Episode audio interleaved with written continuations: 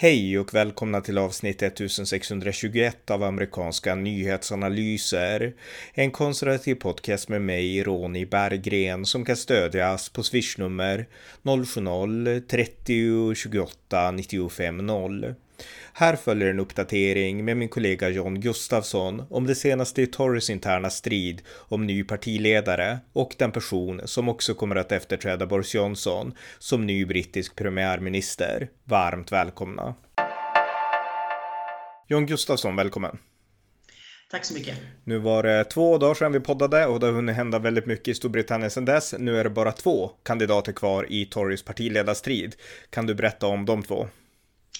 Ja, det blev som, eh, som jag förutspådde i den förra podden så blev det eh, Liz Truss och Rishi Sunak som gick vidare till finalen. Och eh, Tories eh, med partimedlemmar får nu välja mellan de två. Och när kommer det ske, det, det valet?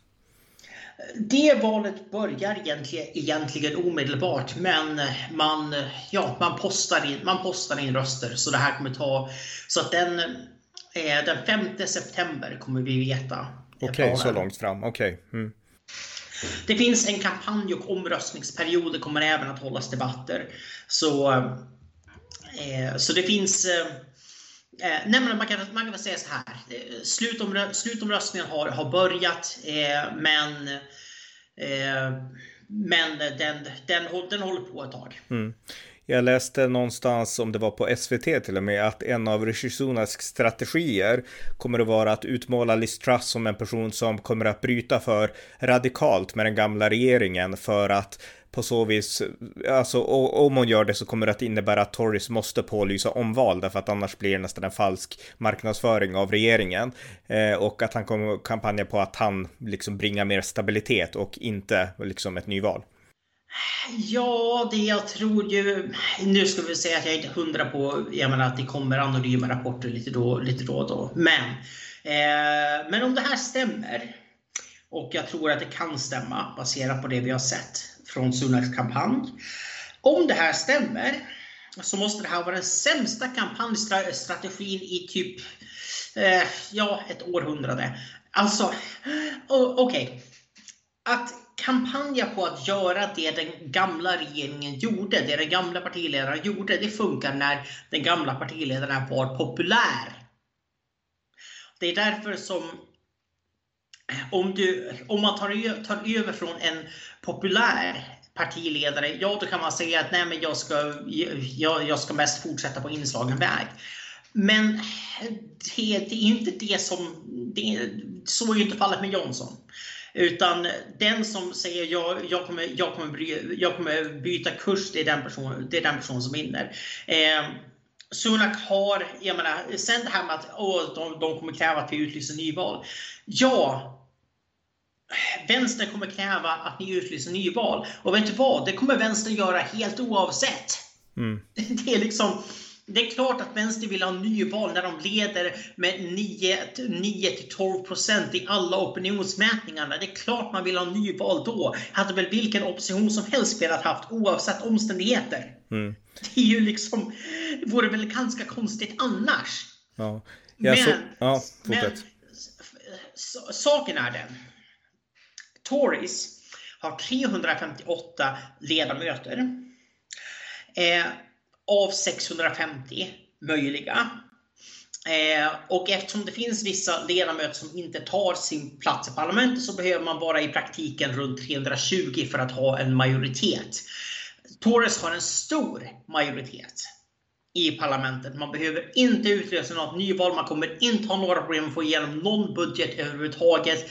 Man kan eh, bokstavligen eh, tappa en tiondel av sina, av sina ledamöter. Eh, eh, eh, man, man, kan, man kan ta att om en tiondel av ens ledamöter skulle, skulle gå till motståndarsidan skulle man fortfarande vinna omröstningen. Det är liksom... nämligen alltså, Tories överläge parlamentariskt är enormt. Eh, deras överläge i opinionen är däremot icke-existerande. Så nej tack till nyval. Det finns ingenting som, inget positivt som kan komma från det. Så inget, och, inget tyder på att Tories skulle släppa fram ett nyval oavsett vad en eh, konservativ premiärminister skulle göra?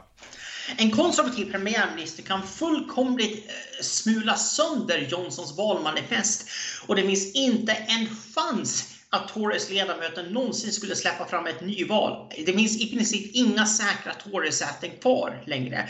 Det är så. Det här är något som vi kanske borde ha diskuterat i större detalj, men opinionsläget är lite intressant just nu. För att normalt sett så är det precis som i USA att det finns säkra, alltså safe seats där man vet vilket parti som vinner. Och sen så finns det andra som är alltså swing seats där vilket parti som helst kan, kan vinna. Eller där det står mellan i alla fall mer än ett parti som är inblandat i striden.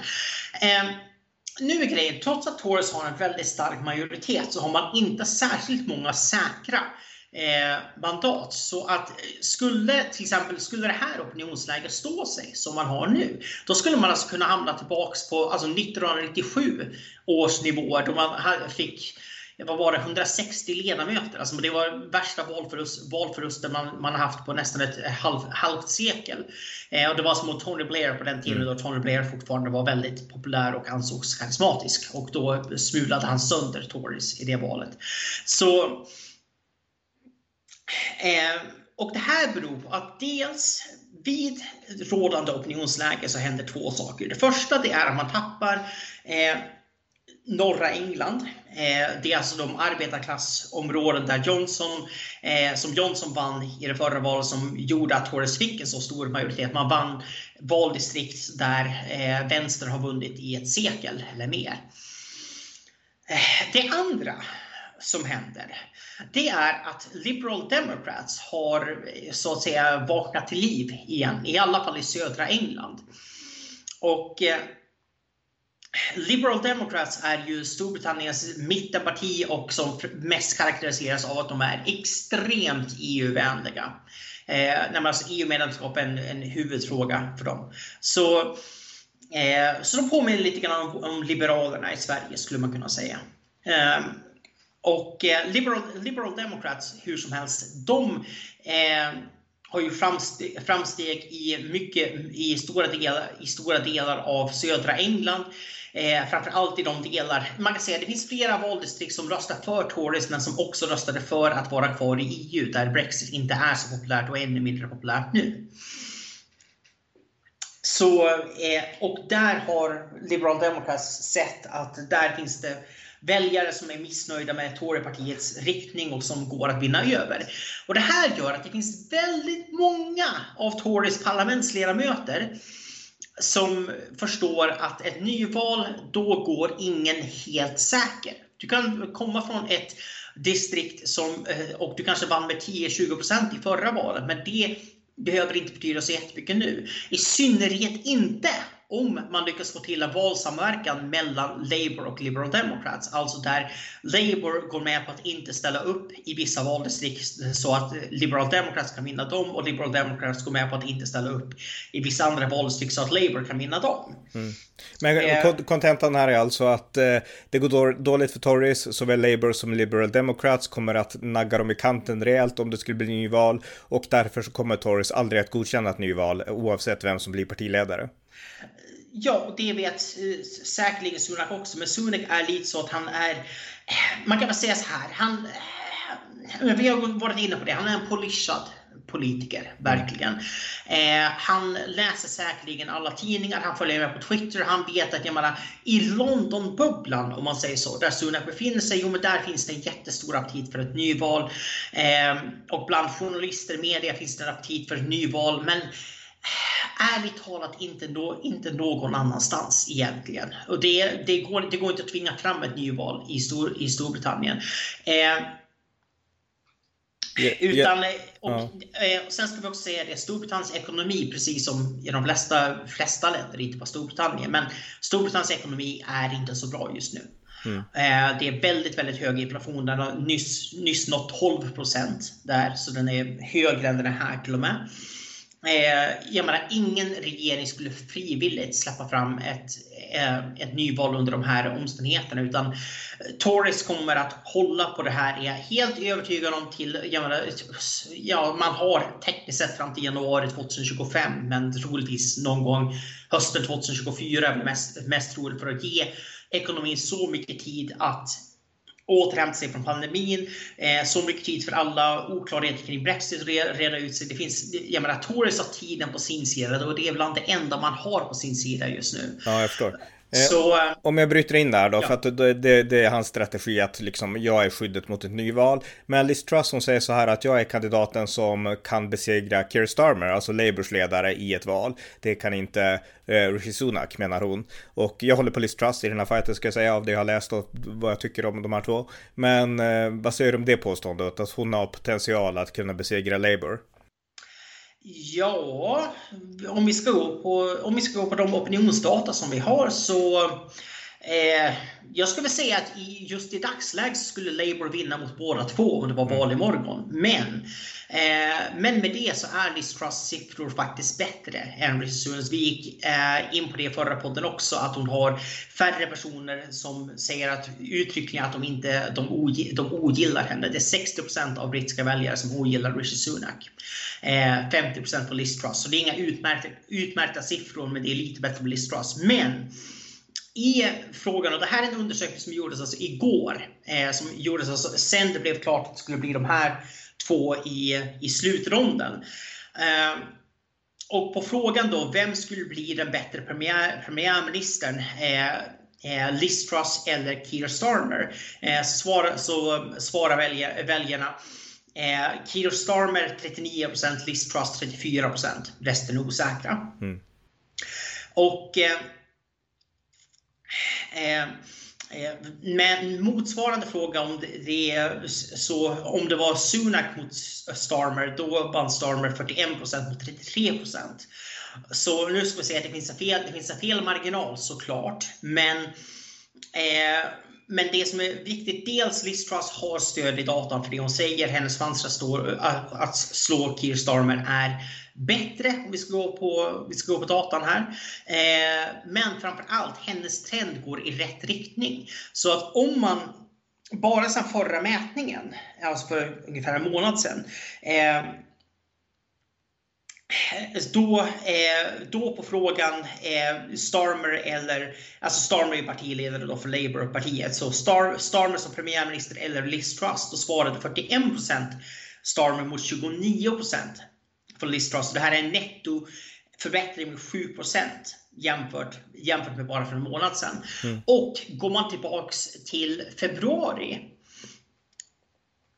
då svarade mindre än typ 22 procent eh, att de ville se Liz Truss mot eh, 44-45 procent för Keir Starmer. Så Liz Truss har stärkt sin profil, stärkt sin popularitet, inte minst i ljuset av kriget mot Ukraina där eh, hennes insats som utrikesminister ansetts vara väldigt bra. Eh, och eh, Sunaks popularitet har gått, åt, har gått åt det andra hållet. Så Liz Truss börjar i alla fall i medvind, om vi säger mm. så. Ja, och det här är, det är jätteintressant och det kommer att bli otroligt spännande att följa det här. Men vem stöder du av de här två? Du stödjer ju Bedenock egentligen, men nu är hon ute. Så stöder du Liz Truss eller vem stöder du? Eh, jag kan ju säga så här, jag tror, eh, som jag, som jag sagt det där sa jag, sa jag redan från, från början. Båda de här kandidaterna, och Badnock och eh, jag menar, även Penny Mordaunt, trots min eh, kritik mot henne, hade absolut kunnat vara kompetenta eh. Jag tror inte att det är en katastrof om Sunak vinner. Men eh, och jag, menar, jag kan uppskatta många av hans ekonomiresonemang kan jag relatera till som, national, som nationalekonom. Jag kan relatera till mycket, mycket av det han är orolig för. Men eh, eh Sunak är för, för tekniskt. Han har inte eh, nej, men han, han, har inte tillräckligt stor förståelse för vad, eh, vad folk prioriterar just nu och det gäller alltså både konservativa väljare och väljare i allmänhet. Eh, jag ska också nämna att YouGov, som när, samtidigt som man gjorde den här undersökningen, eh, eh YouGov var alltså ett opinionsinstitut, eh, samtidigt som man gjorde den här undersökningen så frågade man också, tycker du att regeringen borde fokusera på att sänka skatter eller balansera budgeten? Eh, och då var det nästan 60% som sa sänk skatterna mot mm. ungefär 25% för, för att fokusera på att balansera budgeten. Och sänk skatterna, alltså Liz Truss budskap balansera budgeten i Sunaks. Mm. Så nej alltså hela Sunaks budskap, hela hans jag menar, disciplin, disciplin äh, grej, det kommer inte gå hem. Det kommer kosta Tories nästa val. Eh, och eh, nej men alltså jag... Eh, Eh, det, sen, det, sen, en, ja. en, sak, en, sak, jag har emot honom, jag är ju för eh, Liz Truss för att jag tycker att hon verkar vettig när det gäller utrikespolitik. Men jag är emot eh, Rishi Sunak därför att han verkar vara elitistisk. Han är elitist. Han är bokstavligen, jag menar, kommer från en rik familj, gifte in sig i en miljardärsfamilj. Han är ungefär så out of touch som man bara, som man bara kan, kan vara på den punkten. Och det märks det, på honom när man ser honom. Ja. Det, ja, det, det märks. Han är väldigt professionell politiker och det behöver man i vissa sammanhang såklart. Och det jag, menar, jag, jag är inte alls en sån som tycker att alla politiker ska vara folk som kommer från fabriksgolvet. Jag är definitivt inte sån. Jag, jag är själv akademiker. Men, Eh, men just givet, givet det prekära läget som både Storbritannien och Tories befinner sig i eh, så tror jag att Sunak är, är fel person. Och ska vi gå på när vi ändå pratar opinionsmätningar. Eh, eh Tories eh, partimedlemmar verkar hålla med. Eh, för där har eh, där valde 62 procent eh, valde eh, Liz Truss mot 38 procent för Rishi Sunak i en mätning som också gjordes nu i dagarna. Mm. Så eh, nu ska vi säga att det är svårare att göra en opinionsundersökning i en så specifik eh, i en så liten och väldigt specifik grupp om man säger så. Så det finns en, det finns en felmarginal, men det är fördel Liz Truss. Eh, det får man ändå säga. Mm. Och sen ska, vi, sen ska vi också se att ett annat problem som jag förut, förut ser att Sunak skulle få som partiledare, det är bland den grupp eh, i Tories som, är, som faktiskt var lojala mot Boris Johnson ända in i slutet. För det finns Boris Johnson-lojalister, det finns säkerligen hundra av dem jag menar, i, i, Tory, i Tory-gruppen. Mm. Av dem så är Sunak helt enkelt hatad för att han ses som den som kuppade bort eh, Boris Johnson. Han ses som en person som, men en, en orm helt enkelt. Han, han väntade på rätt, till, rätt tillfälle att få bort eh, att få bort chefen och ta hans, ta hans plats. Nu säger inte jag att det är helt korrekt. Jag menar, det är inte Rishi Sunak som fick Boris Johnson att jag menar, bryta mot sina egna pandemirestriktioner. Utan Johnsons fall är något som han har... Eh, det, det, det, han, något, det är självorsakat. Ja. Men, ja. men han vred om dolken, Rishi Sunak, lite grann. ja, nej, alltså, det finns ju... Eh, eh, the man who wields the knife cannot wear the crown, brukar man säga på engelska. Så bara det faktum att han var den som ändå ledde uttåget från från Johnsons regering, det som ledde till att Johnson tvingades avgå. Eh, bara just att det var han som gjorde det det, nej alltså det, det, det, lämnar en bitterhet bland, bland Johnsons eh, lojalister och det gör att han får också svårt att eh, jag menar, motivera lo, lojalitet mot han själv. Mm. Och, eh, och det är också något som eh, jag noterade ju när vi började podda om det här regeringskrisen det att, eh, och partiledarvalet att Michael Gove är en av de som man hade trott skulle ställa upp men som inte gjorde det. Och Michael Gove eh, högg ju Boris Johnson i ryggen redan 2016 och såg till så att Theresa May blev partiledare då. Mm. Även om det inte var hans avsikt, han försökte bli partiledare själv. Men han, han ställde till det så att det blev vare sig han eller Johnson. Eh, och eh, han verkar ha gett upp sina partiledarambitioner för han förstår att det där går inte att tvätta bort. Just den här stämpeln som förrädare. Det går inte att eh, det går helt enkelt inte att tvätta bort. Eh, och det gör att han kan inte, jag menar, han kommer behöva titta, titta bakom ryggen hela tiden egentligen för andra som antingen vill ha hämnd för, det han har, för, för det han har gjort eller som bara tycker att ja, men kan chefen göra sådär så kan väl jag förråda chefen. Mm. Liksom, det, blir, det, det smittar av sig den kulturen. Så eh,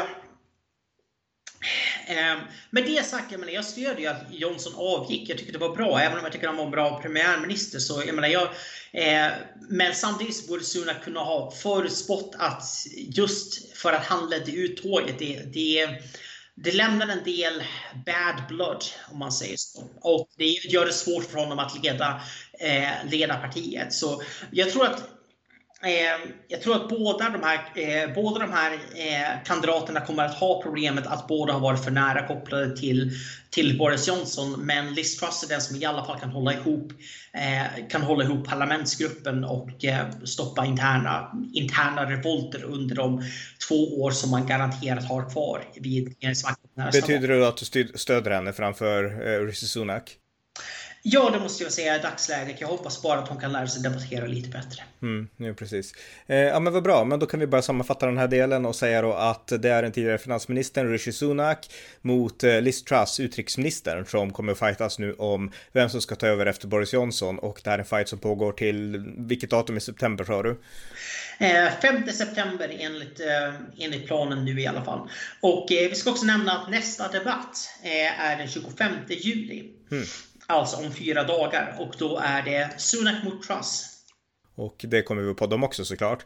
Eh, Absolut. Eh, jag tänkte att vi skulle avsluta idag för att du har också skickat en länk till mig som var jätteintressant. Eh, Boris Johnson höll sitt sista tal, om man nu kan kalla det ett tal. Det var ett kort tal i parlamentet eh, där han helt enkelt gav råd till sin efterträdare, antingen Liz Truss eller Rishi Sunak. Och han gav många intressanta råd och vi kan spela klippet här.